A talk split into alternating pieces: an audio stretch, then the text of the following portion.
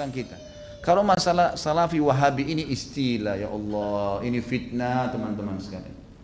Ini fitnah. Dari mana istilah wahabi ini? Dari mana istilah salafi ini? Ini fitnah. Setiap sebagian teman-teman kita yang berpegang pada sunnah Nabi SAW sering mengatakan kita kembali kepada pemahaman salaf. Pemahaman salaf maksudnya sahabat. Salaf itu orang terdahulu. Dikatakan pesantren salafiyah, pesantren yang dulu tradisional, gitu kan? Jadi itu pemahaman kembali kepada salaful ummah. Hanya itu. Begitu dikatakan kembali kepada salaf sahabat, oh ini kelompok salafi namanya. Nisbatkan. Dari mana ini penisbatan ini gitu kan? Kemudian Wahabi, Wahabi, Wahabi. Apa Wahabi ini? Dari mana istilah ini? Ini keluar dari mulut orang-orang yang tidak bertanggung jawab. Kalau kita lihat cirinya orang Wahabi, yang dianggap Wahabi orangnya berjenggot jalankan sunnah Nabi. Kalau sholat ke masjid, istrinya pakai tutup aurat. Ya, di rumahnya jauh dari perbuatan-perbuatan dosa. Ini nih kelompok nih. Diolok-olok Wahabila, Wahabila. Saya pernah dimasukkan dalam grup gitu kan. Saya lihat semuanya disatuin, teman-teman dari semua ormas ada, termasuk nama saya masuk di situ. Banyak mungkin ada 80 atau 100 orang ustadz, kiai dan seterusnya. Baru saya masuk di situ saya sudah baca Ah ini banyak ustaz-ustaz Wahabi dimain-mainin gitu. Tulisannya pakai O. Wahabi lah ini. Oh ini Wahabi ini suka tolak salawat, suka tolak zikir, suka tolak doa. Saya berpikir kalau saya mau tanggapin, ini enggak, ini 80 orang, 100 orang di situ, kemudian akan habis waktu saya menyita di situ. Sudahlah, saya keluar, minta maaf, saya enggak ada urusannya di sini, saya keluar. Karena yang bilang orang-orang yang pernah belajar di Saudi teman-teman benci sama zikir itu siapa? Anda yang fitnah itu. Gimana caranya? Orang yang belajar di, di, di Madinah, di Masjid Nabawi, di Mekah, zikir kepada Allah. Bahkan mereka paling banyak zikirnya kepada Allah. Mereka paling banyak zikir, tapi zikirnya pakai adab, nggak teriak-teriak, gitu kan? Nggak karang-karang. Apa yang Nabi SAW ajarin itu yang disebutin. Adab sama Allah, subhanallah, subhanallah. Dilakukan, bukan tidak dilakukan. Tapi tidak ada subhanallah, subhanallah, alhamdulillah, alhamdulillah, alhamdulillah. Dibayangkan main-main, Allah hu hu hu, apa ini? Ini apa ini? Ini kalau zaman Umar sudah diketuk semua kepalanya nih. Ngarang-ngarang gitu kan. Oh ini benci sama doa. Siapa yang bilang benci doa teman-teman sekalian? Antum nggak dengar tuh bagaimana Syekh Sudes berdoa sampai hampir satu jam kalau sholat kunut. Itu dikatakan tuh itu pentolannya Wahabi katanya. Baik berdoa kunut satu jam sampai orang semua pada menangis seluruh dunia antum bilang itu Wahabi. Ini subhanallah ini. Benci doa itu namanya ajib. Sesuatu yang aneh gitu bagi saya tuduhan-tuduhan yang tidak beralasan sama sekali, nggak beralasan nih. Yang penting dari Saudi Wahabi, gitu kan. Saya sampai waktu mau berangkat ke Saudi, awal saya mau belajar tahun 90, teman-teman ayah saya sempat titip pesan dari kota Makassar, Khalid, nanti kamu ke Saudi, ambil ilmunya tapi jangan jadi Wahabi. Baik, saya berangkat enam bulan pertama teman-teman sekalian, semua guru yang masuk saya ketakutan lihat. Ini Wahabi nih. Apa ini Wahabi nih? Mau-mau yang menakutkan ini. Kena wanti-wanti begitu. Lama-lama setelah guru masuk, setiap guru masuk di Madinah, wallahi saya bersumpah atas sama Allah teman-teman sekalian, tidak pernah ada sebutan nama Wahabi. Saya tidak pernah dengar kata-kata Wahabi dari mulut mereka. Wallah, yang ada cuman qala Allah, qala Rasul. Allah berfirman, Rasulullah bersabda. Wallahi, saya sumpah di sini di masjid ini memang begitu ajarannya. Begitu ajarannya, qala Allah, qala Rasul. Qala Allah, qala Rasul. Selalu atau diikuti dengan penjelasan Ibnu Abbas, sahabat, Ibnu Umar, sahabat. Nih pemahamannya mereka. Ini pemahamannya sahabat tentang ayat ini, tentang hadis ini. Itu yang kita pelajarin. Dan kalau ada masalah fikih didatangkan empat madhab semua. Imam Syafi'i bilang begini ini dalilnya. Imam Ahmad bilang begini ini dalilnya. Imam Malik bilang begini. Abu Hanifah begini dalilnya. Jelas. Semuanya begitu. Setelah enam bulan saya berpikir, kok saya harus ya takut dengan orang-orang seperti ini. Ini ilmu semua disampaikan, gitu kan? Ilmu semua. Dan bagaimana mempertemukan antara ambil ilmunya, jangan jadi wahabi. Bagaimana memahami? Saya nggak nyambung gitu. Gimana caranya? Gitu. Teman-teman sekalian, saya kasih jawaban secara akal sehat. Rasulullah SAW lahir di mana? Di Mekah. Ya, 13 tahun fase turunnya ayat-ayat Makkiyah di mana? Di Mekah. Baik, setelah itu Nabi SAW hijrah ke Madinah. Berapa tahun Nabi di Madinah? 10 tahun. Sampai meninggal kan? Kuburannya ada di sana. Demi Allah, Mekah sama Madinah markas Islam. Ada orang mengatakan itu wah, markas Wahabi, markas ini tempat nabimu lahir dan mati. Kok gimana sih? Lalu dikatakan itu ajarannya tidak benar, yang sesat. Padahal kalau kita duduk di majelisnya ulama, Ini Rasulullah bersabda, ayat Al-Quran dalam surah ini. Selalu itu, silakan saya tantang siapa pun teman-teman sekalian. Bukan, maaf, bukan tantang. Saya ajak anda kalau lagi umroh, yang mengatakan wahabi-wahabi, tolong anda datang ke Masjid Nabawi, Masjid Haram Mekah, duduk di majelisnya salah satu ulama situ. Coba dengarin apa yang mereka bilang. Coba jalan atau mau bertanya silakan. Pasti mereka jawab hukumnya kalau Allah Allah berfirman surah ini. Rasulullah bersabda begini. Itu isinya. Itulah yang mereka bilang Wahabi. Ini kemurnian agama teman-teman sekalian. Dan kalau anda tidak pertahankan kemudian agama, lalu siapa yang mau pertahankan? Ini aneh sekali gitu. Ini luar biasa harus sebenarnya harus diluruskan. Mudah-mudahan Allah berikan hidayah ya. Banyak orang Islam yang tidak faham, ya, dia kukunya masih panjang, sholatnya masih Senin Kamis, ikut-ikutan Wahabi juga, Wahabi juga. Bukannya belajar, bukannya nanya, malah ikut-ikutan. Ini fitnah di tengah-tengah kaum muslimin. Kata Nabi SAW, Yahudi terpecah 71 golongan. Nasrani 72 umatku 73 semuanya di neraka. Masuk mampir neraka dulu, nanti masuk surga iya.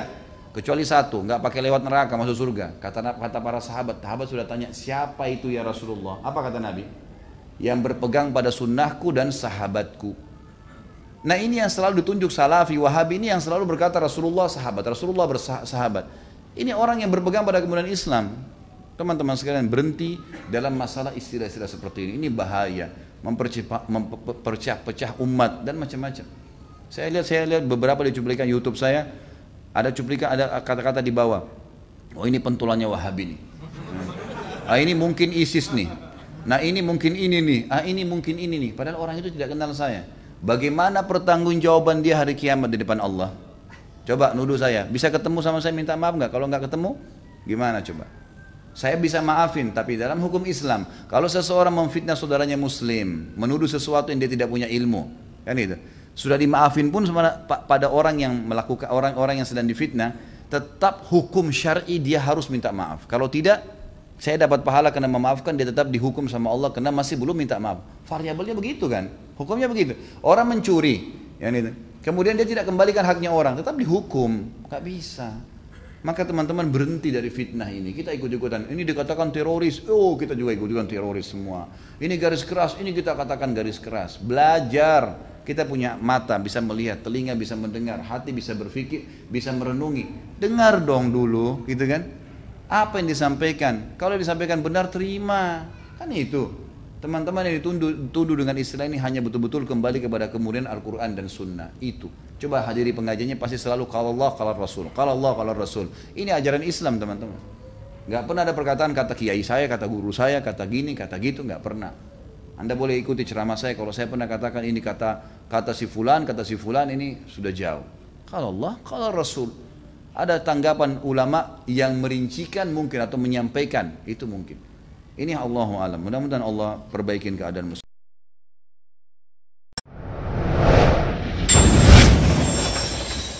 Kalau masalah salafi, salafi itu diambil istilah sebenarnya. Teman-teman kita yang berdakwah sekarang di Indonesia ini berfaham sunnah. Termasuk mungkin pengajian kita ini sering kali dikatakan pengajian salafi, pengajian wahabi. Karena setiap kali dalam pengajian-pengajian ini kita selalu mengatakan salaf ummah. Ada ada uh, orang-orang terdahulu sebelum kita dari kaum salaf ummah. Salaf ini yang telah mendahului. Itu yang dimaksud sahabat dan tabi'in. Itu yang dimaksud dengan kaum salaf. Ya, kaum salaf. Salaful ummah telah berkata seperti ini para sahabat dan tabi'in. Nah, karena sering mengucapkan ada istilah salaf dikatakan kelompok salafi. Padahal sebenarnya tidak ada kelompok ini gitu. Ini cuma istilah sebenarnya diistilahkan gitu kan. Karena ada keluar kalimat itu. Kalau Wahabi, Wahabi ini sebenarnya dulu pernah ada pemahaman keliru ya di Maroko berfaham diistilahkan Wahabi. Itu di zaman mungkin masih sudah lama, mungkin zaman Abbasiyah. Kemudian dihancurkan oleh khilafah Abbasiyah dan pemimpinnya sudah dibunuh, dihukum mati, udah habis gitu kan. Nah pemahaman ini memang pemahaman yang tidak benar awalnya. Kemudian setelah ya, pemahaman Syiah banyak ya, diperbaikin, diluruskan di Jazirah Arab, ya, dan orang-orang Sunni banyak mengistilahkan ini Syiah, hati-hatilah. Orang Syiah itu mencaci maki, mengkafirkan para sahabat, kecuali uh, Ali dan beberapa orang sahabat Nabi. Sementara ahli sunnah itu malah menghormati semua sahabat termasuk Ali. Tidak pernah ada ahli sunnah mencaci maki Ali radhiyallahu anhu. Kita muliakan dan kita terima. Semua keluarga Nabi Shallallahu alaihi wasallam kita hormatin, ya kita berikan salam dan salawat setiap kali kita tahiyat kepada mereka. Gitu ya. Nah orang-orang Syiah yang tidak menerima, yang tidak menerima selalu diserang oleh ahli sunnah, gitu kan? Karena kalau dikatakan sunnah, sunni dan syi'i, ya gitu. Sunni itu artinya orang yang mengikuti sunnah. Sebenarnya orang Syiah tidak mau istilah itu melengket pada kita, nggak mau. Karena kalau difaham pemahaman sunni, berarti orang-orang yang ikuti sunnah Nabi.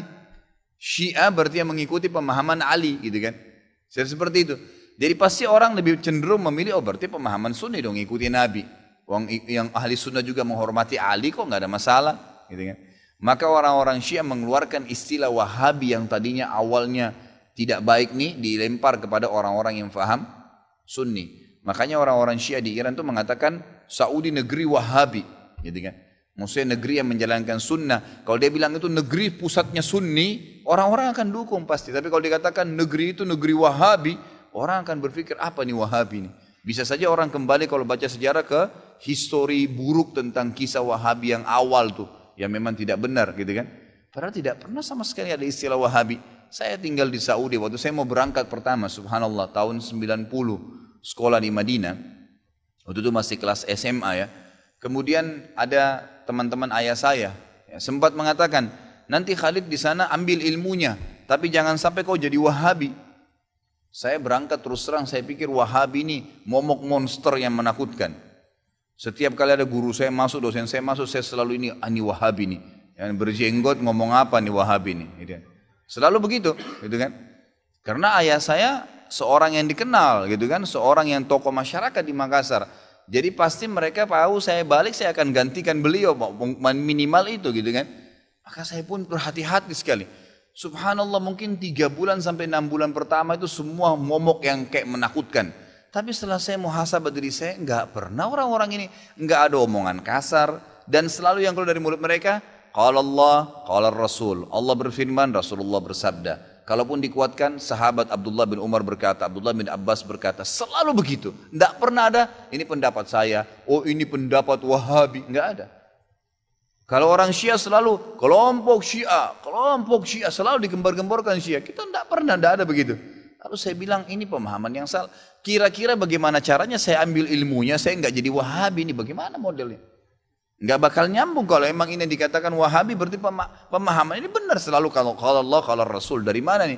Lama kelamaan saya tamat sampai S1 baru saya paham oh ini istilah yang digunakan oleh orang-orang Syiah untuk menjauhkan orang bahkan dari pemahaman Sunni yang benar. Seperti itu.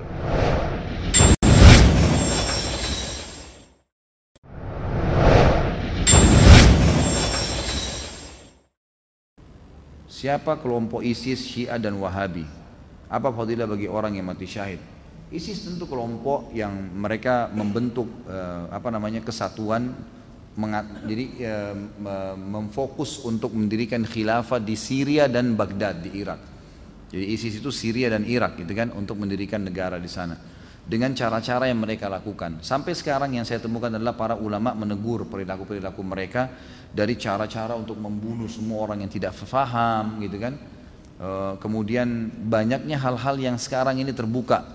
Ada banyak tulisan-tulisan sekarang artikel dalam bahasa Arab, foto-foto yang ditemukan. Jadi pimpinan-pimpinan mereka ini bersatu satu sama yang lain. Jadi seakan-akan sengaja dibentuk untuk meributkan umat Islam ini, gitu kan. Itu yang lahir. Sekarang ini kayak ribut sekali antara ISIS sama Syiah. Dua-duanya punya pemahaman-pemahaman yang perlu diluruskan. Ya. Dan jelas pemahaman mereka dibongkar oleh para ulama dan disampaikan. Jadi memang sebaiknya dijauhi. Dua-duanya ini dijauhi. Kalau masalah Wahabi itu istilah yang digunakan oleh orang-orang Syiah untuk meredam dan membuat uh, kaum muslimin tidak menyukai orang-orang yang mengikuti sunnah Nabi. Karena yang dikatakan Wahabi itu orang yang malah sibuk dengan mengikuti sunnah Nabi. Dan yang paling banyak membongkar kedok orang-orang Syiah adalah ulama-ulama di Saudi. Dan kita tahu sendiri, kita nggak bisa bohongin, tidak bisa dibantah fakta sejarah. Nabi SAW lahir di Mekah, 13 tahun di Mekah, dan dakwah sempurna agama Islam di Madinah. Di mana-mana orang tahu sumber sesuatu itu adalah eh, tempat mengambilnya, gitu kan? Jadi ilmu Islam itu tidak akan pernah berubah Madinah dan Mekah kon menjadi basis. Nah ulama-ulama sana itu sampai sekarang masih mempertahankan tradisi, mempertahankan sunnah Nabi dari zaman sahabat tabiin sampai sekarang masih mereka punya halakah di Masjid Nabawi menyampaikan hadis-hadis Nabi, meluruskan kesalahan-kesalahan dan yang paling banyak membawakan kedok Syiah ya dan ini juga kelompok ISIS. Ini adalah ulama-ulama di Saudi maka mereka disorotin. Nah disorotinya supaya jangan cuman ini saja yang dibongkar kedoknya mereka juga menakut-nakuti umat umat Islam ini. Ini ada Wahabi nih. Wahabi itu apa? Orang-orang garis keras fundamentalis lah teroris lah dan segala macam istilah itu kan. Kalau saya sih nggak usah ter, terpengaruh dengan itu ya kalau saya yang penting kita menjalankan sunnah Nabi Allah subhanahu wa ta'ala sudah mengatakan dalam surah Saf Allah akan memperlihatkan agamanya. Walaupun orang kafir orang musyrik nolak kita tetap komit menjalankan sudah selesai